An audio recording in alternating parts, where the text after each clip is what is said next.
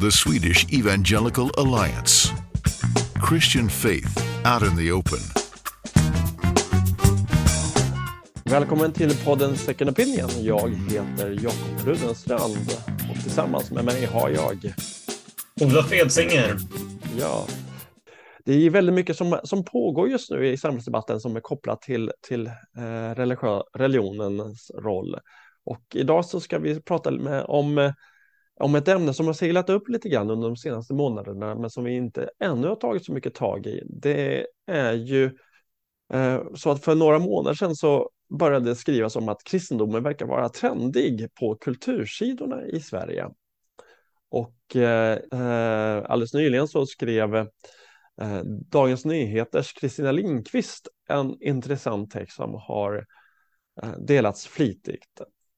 Eh, den, den kulturartikel som bär rubriken Jag sörjer att jag förlorat min kristna tro.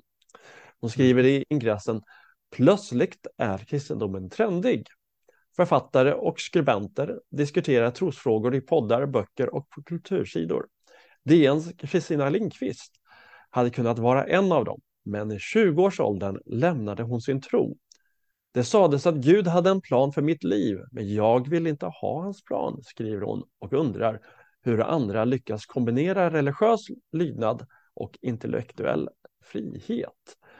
Ehm, ja, det här är en väldigt intressant artikel. Det är inte så mm. mycket um, de politiska aspekterna eller dagspolitiska aspekterna eller invändningarna mot kristen tro som kommer, uh, kommer fram här, utan det är snarare en, en personlig skriven artikel om, om en persons uh, brottningskamp kring uh, kristendomens kall till, till lärjungaskap, om man nu, om man nu mm. säger så.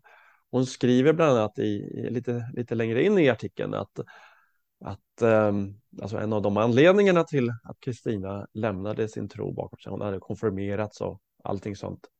Jag uppfattade nämligen kristendomen som totalitär, rent själsligt. Hur ska man annars förstå evangeliernas texter om lärjungaskapets krav? Eh, så citerar hon Matteus evangeliet. Om någon vill gå i mina spår måste han förneka sig själv och ta sitt kors och följa mig. Ty den som vill rädda sitt liv skall mista det. Men den som mister sitt liv för min skull, han skall finna det. Eh, det är som sagt en, en personlig hållen text och mm. Eh, som, som, som, har berört många märker jag i, i både Facebookflödet och i Twitterflödet. Det är många som samtalar om det och den har ju fått ett antal svar. Eh, vad är dina tankar Olof när du läser den här texten?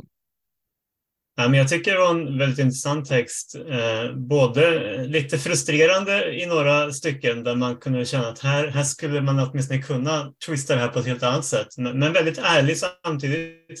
Eh, och på något sätt så fångar han upp några väldigt centrala tankar i eh, kristen tro och i evangeliet. Så att jag tycker det var, eh, var spännande att läsa. Ehm, det, hon, eller det man säger i ingressen, det här med, med religiös lydnad, lydnad kontra intellektuell frihet, det är ju en eh, eh, också en ganska evig fråga. Alltså vad är intellektuell frihet? Det finns ju mängder av stora tänkare genom århundradena och årtusendena som har haft en, en kristen tro och, och en, en, tro på Gud. Så att det är helt uppenbart att man kan vara både nytänkande och oerhört skärpt och vara kristen. Eh, och jag vet inte om hon egentligen förnekar det, men, men hon knyter an till syndafallet bland annat och säger att Eva egentligen fattade så att säga, ett, ett rimligt val, att, att man söker kunskap. Mm. mm. Jag minns jag hörde en utläggning av, av den texten eh, faktiskt på en av de tidiga konferenserna som vi ordnade med Evangeliska alliansen, långt innan jag var generalsekreterare. Um, det var Don Carson som utlade just första Moseboken och han pekade på syndafallet och att det Adam och Eva får kunskap om med den här frukten, det är ju eh, också kunskapen om ondskan genom att de själva blev onda. Mm. Det är inte bara så att säga, eller inte främst sanningssökandet eller det intellektuella sökandet, utan just det här att man någonstans faktiskt genom att sätta sig på Guds plats så blir man en del av problemet. Och det är på det sättet som Adam och Eva också fick en, en djupare förståelse av både ont och gott. Mm. Jag det, ju... det har ganska mycket med hennes text att göra. Att det är precis det där gränslandet man måste navigera i. Mm. Och det är, det är en viktig poäng att göra så, så, som du gör här, att, att den, eh, alltså, alltså den, den kunsk, hur Bibeln definierar kunskap är ju inte alltid bara eller begränsat till kognitiv kunskap eller, eller intellektuell kunskap, utan det, det är ju snarare eh, vad man skulle kalla eh, moralisk kunskap, att man blir ett med någon annan. Och det är det som återfinns i texter som att eh, Abraham kände sin fru Sara eh, eller att eh, några av de andra patriarkerna kände sina, sin, sin hustru. Och det, det, det är ett det är ett annat sätt att beskriva att man blir ett ihop. Precis, som, liksom en, en intim gemenskap. Precis. Men jag tänker också, för att knyta tillbaka till Don Carson, han, hans bild av det här, det var ju att en eh, cancerläkare och en cancerpatient har väldigt olika förståelse av sjukdomen cancer. Mm. Eh, läkaren har, har studerat det och har kunskap och allt det här, medan patienten har sjukdomen i sig och, och, lider av den. Och det han sa att det som sker med Adam och Eva egentligen att de blir patienternas, på patienternas erfarenhet av, av ont och gott. Um, och det visar också på det här lite, lite mer mångfacetterade sättet att, att tala om, om kunskap och, och erfarenhet. Mm. Um, men har inte, men har inte Kristina, men om vi går tillbaka till Kristina Lindqvist, gör hon inte en korrekt bedömning i att eh, kristendomen närmast kan beskrivas som totalitär, alltså att, att den, den kräver allt av mig. Eh, som, som Bonhoeffer brukar säga, eller Bonhoeffer har, har skrivit att, att eh, när Jesus kallar någon till sig så kallar han den personen att dö. Jo, men det är ju absolut sant och, och det är där hon träffar en, en verkligen huvudnerv i den kristna tron. Eh, och hon, hon talar om det här om att, att veta sin plats i den gudomliga ordningen. Och för henne är det någonting djupt problematiskt då, att, att hon inte vill inrätta sig i det. Och, och det är klart att här skulle jag ju ändå känna att, att det är väl någonstans precis det som är mänsklighetens problem utifrån en klassisk teologi, att, att vi vill ställa oss i centrum av tillvaron när vi faktiskt borde, borde ödmjuka oss inför vår skapare. Eh, och det är klart, synden i oss gör att det där uppfattas väldigt eh, som en sån förolämpning. Men, men men jag tänker ju också ganska krasst enkelt att om, om det finns en skapare och vi är beroende av honom så är det inte orimligt att han får vara nummer ett och vi nummer två. Det, är någon slags helt enkelt logik i det, att, mm. skaparen står över sin skapelse. Så därför så rör ju det här vid de här helt grundläggande frågorna och som sagt syndafallet kretsar ju egentligen kring just den frågan. Mm. Och eh, hon nämner ju det här också med, med om konfirmandledare och liknande som, som sa att allt du gör ska du göra för att hylla Gud. Um, och dels har hon ju kanske en liten snäv förståelse av det, att, att, att man hela tiden medvetet måste tänka att varenda sak jag gör, gör jag till Guds ära. Och, och what, would Jesus, what would Jesus do? jo då, men det är klart att som livsinriktning är det helt rimligt att, att eh, man faktiskt eh, tänker så att det skapade lever till sin skapares ära. Och, och min övertygelse är ju också att det ger en, en djup mening till livet eh, som man faktiskt går miste om om man bara lever för sig själv. För det är tyvärr det som är alternativet. Och, och jag tänker att vi lever i en väldigt individualistisk kultur som, som hyllar jaget på ett sätt. Men jag tror ändå att vi är ganska många som kan se att det finns någonting väldigt tomt över att bara leva för sig själv. Och, och trots allt är det det som är Bibelns grundton här, att ett sant meningsfullt liv finner jag i, i tjänst för andra, men, men ytterst sett för min skapare. Mm. Det, I sin avslutning så, så, tycker jag att hon berör lite grann av detta. Eh, att hänge sig åt kristendomens totala världsbild. För kristendomen har ju liksom, utgår ju från, eh, utgår ju från Jesus, att han har blivit människa. Eh, och, eh, och också liksom tagit, sig, tagit eh, vår syn på sig själv.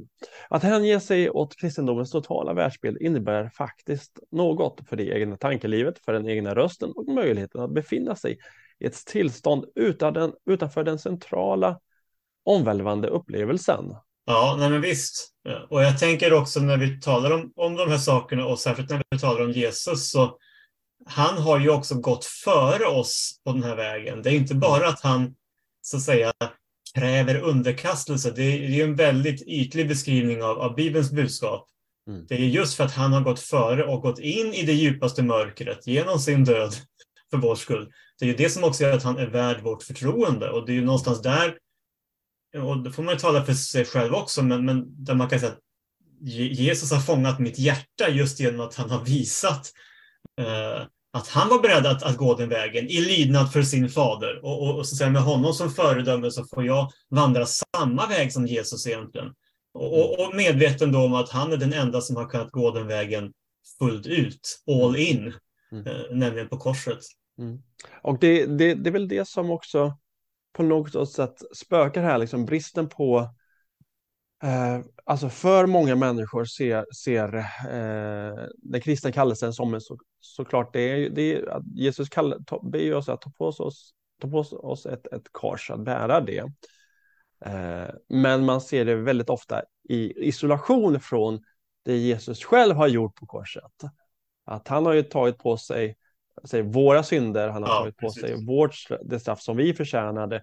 Han har gått före oss och gått in i det totala mörkret på ett eh, fullkomligt sätt och varit det fullkomliga offret och även uppstått från, från de döda och gett oss det eviga livet när vi förtröstar på honom och inte på våra egna eh, strävanden eller eh, ansatser och, och, och, krafter, utan det, det är i mm. hans gärning som vi får vila. Det inte, handlar inte om att vi själva ska försöka späka oss själva.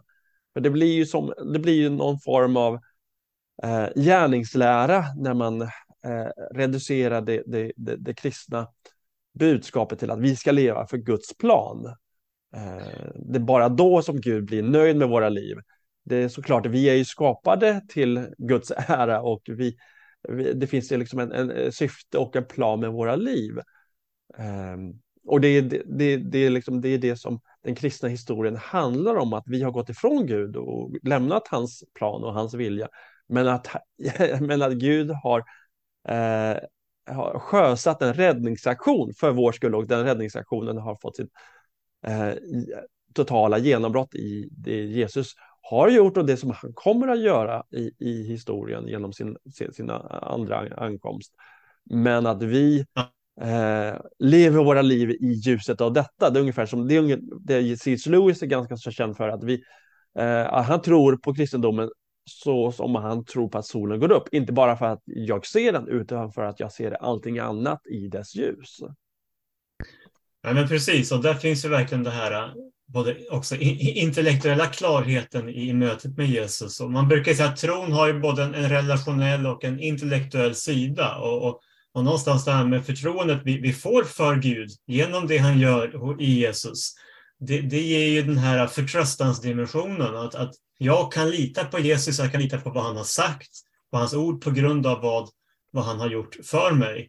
Ehm, och så finns det också en intellektuell sida där, där det finns sanningar i den kristna tron ehm, som jag också kan undersöka och utforska och, och, och se relevansen i och, och mm. klarheten i. Och det ger ju också förtroende för Jesus. Men, men hjälper mig naturligtvis när jag, när jag vandrar den här visserligen smala vägen, men, men det är ju inte en, en, en, väg bara i blindo. Det är ju en väg där jag följer någon, mm. eh, nämligen Jesus.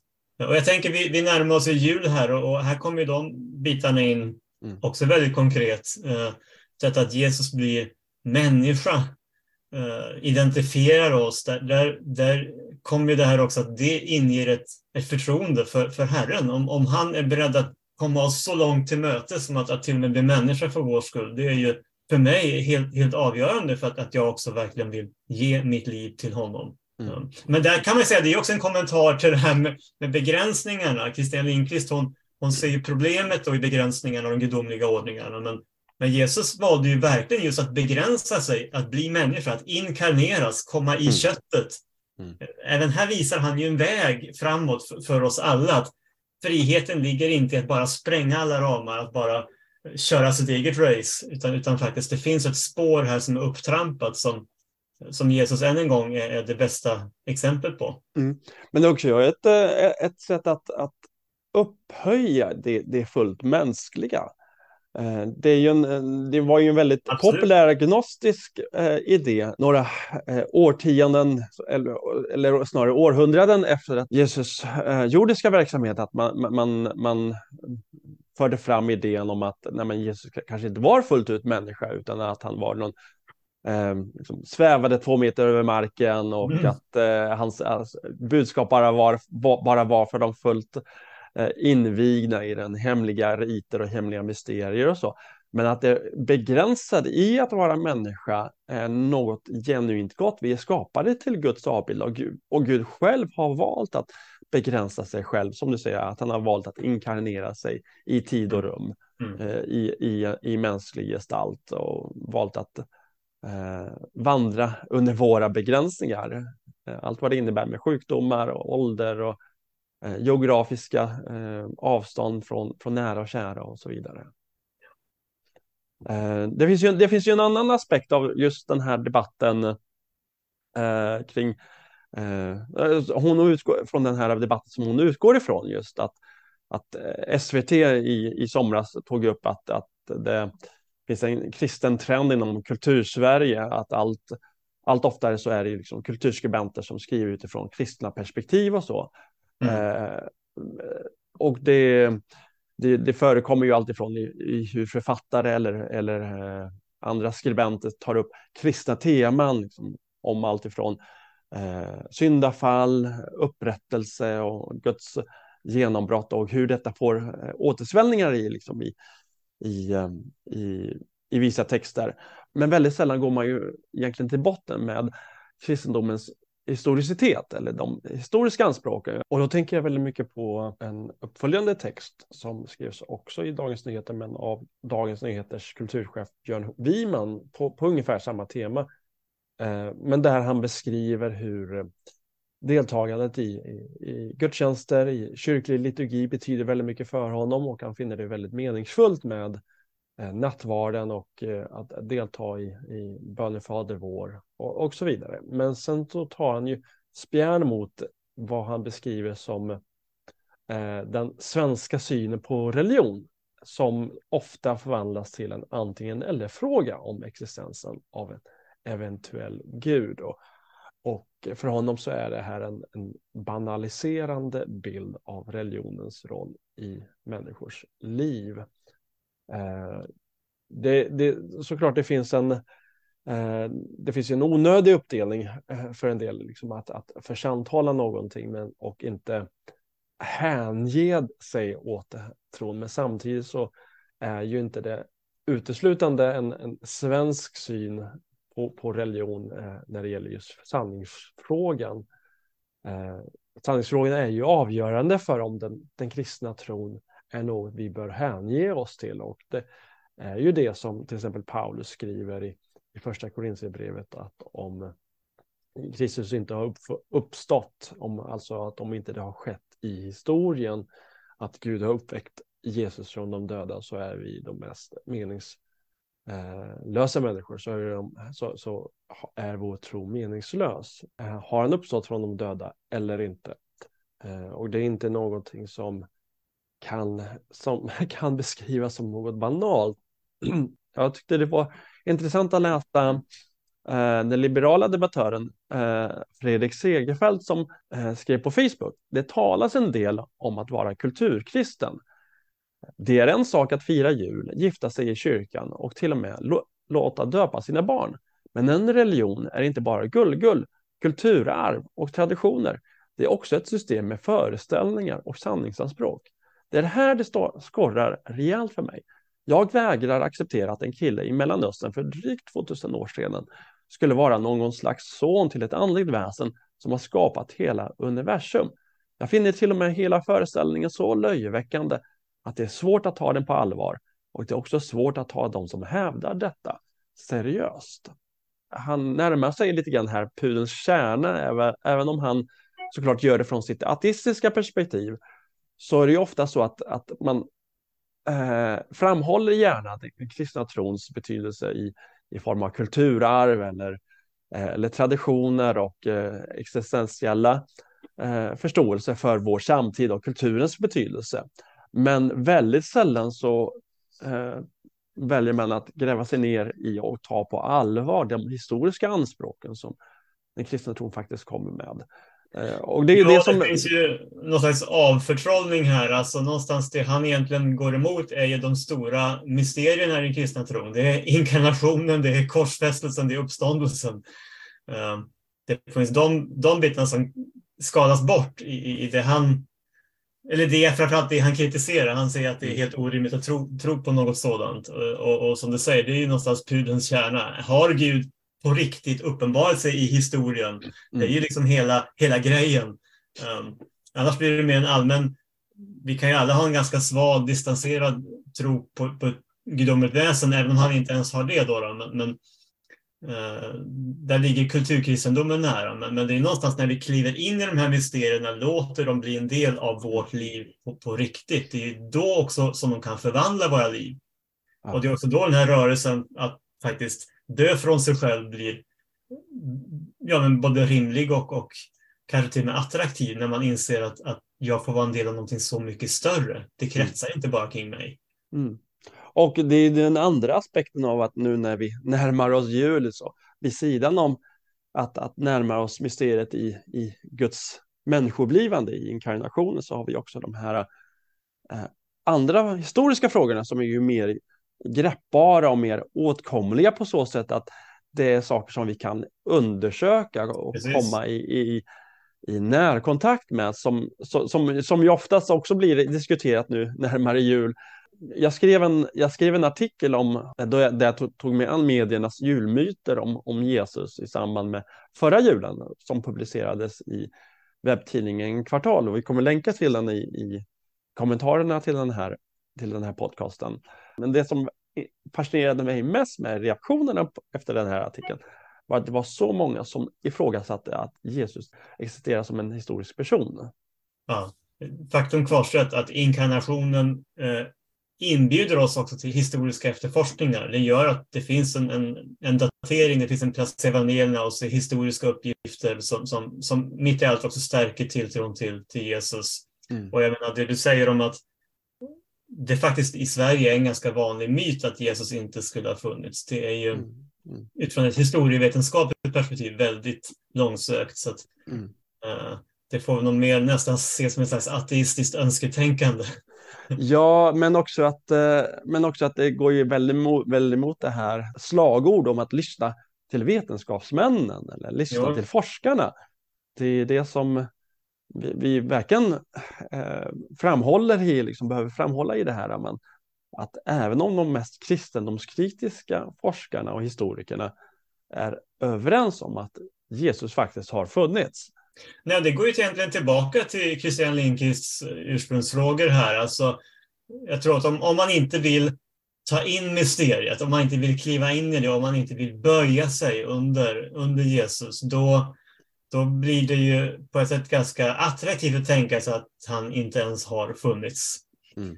Uh, och, och, och, det är ju faktiskt också flera av nyateisterna som, som vittnar om det, att de helt ärligt inte vill att Gud ska finnas. För, för finns Gud, då, då måste man ju faktiskt förhålla sig till honom. Och då är vi tillbaka till grundfrågorna. Kan, mm. kan det skapade relatera till skaparen på något annat sätt än att faktiskt tro till det, leva för honom? Mm. Och jag menar att, att rent logiskt, finns det en skapare, finns det en upphovsman, då, då har vi egentligen inget val. Mm. Det stora är att genom evangeliet, genom det Jesus gör, så, så blir det här faktiskt inte bara ett krav, det blir ett erbjudande. För när han kommer som människa, när han visar att han är värd vår tillbedjan, att han faktiskt förtjänar att, att följas, förtjänar att lydas, då, eh, då kastar han inte en koncepten över ända. Han, det är fortfarande så att, att han har rätt att tvinga oss om man skulle vilja, men han vill inte tvinga oss. Han vill locka oss in i en sån relation till honom. Mm. Ja. Mm. Och än en gång så blir ju inkarnationen och inte minst det vi faktiskt firar nu till jul helt avgörande för, för, för att eh, vi, vi skulle kunna få det förtroendet för honom. Mm. Just att han inte kom till jorden som en, en segrande kung eller en, en, en, liksom en, en krigsherre i, i det första eh, gången som vi möter Jesus, utan han kommer som ett sårbart litet barn. Ja, nej, men som sagt, mm. det, är, det är själva kärnan i, i vår tro där. Mm. Eh, det finns såklart mycket mer att, att säga och diskutera kring, kring den här artikeln och det väcker ju såklart, den väcker ju såklart många angelägna frågor och eh, funderingar. Eh, det är något sätt där vi kan bidra med att, att eh, komplettera och eh, problematisera bilden lite grann om vad det innebär att, att vara kristen lärjunge. Eh, och eh, med det så vill vi önska alla våra lyssnare en god jul och ett gott nytt år. Yes. Welcome to the podcast Second Opinion, going deeper to get a better perspective.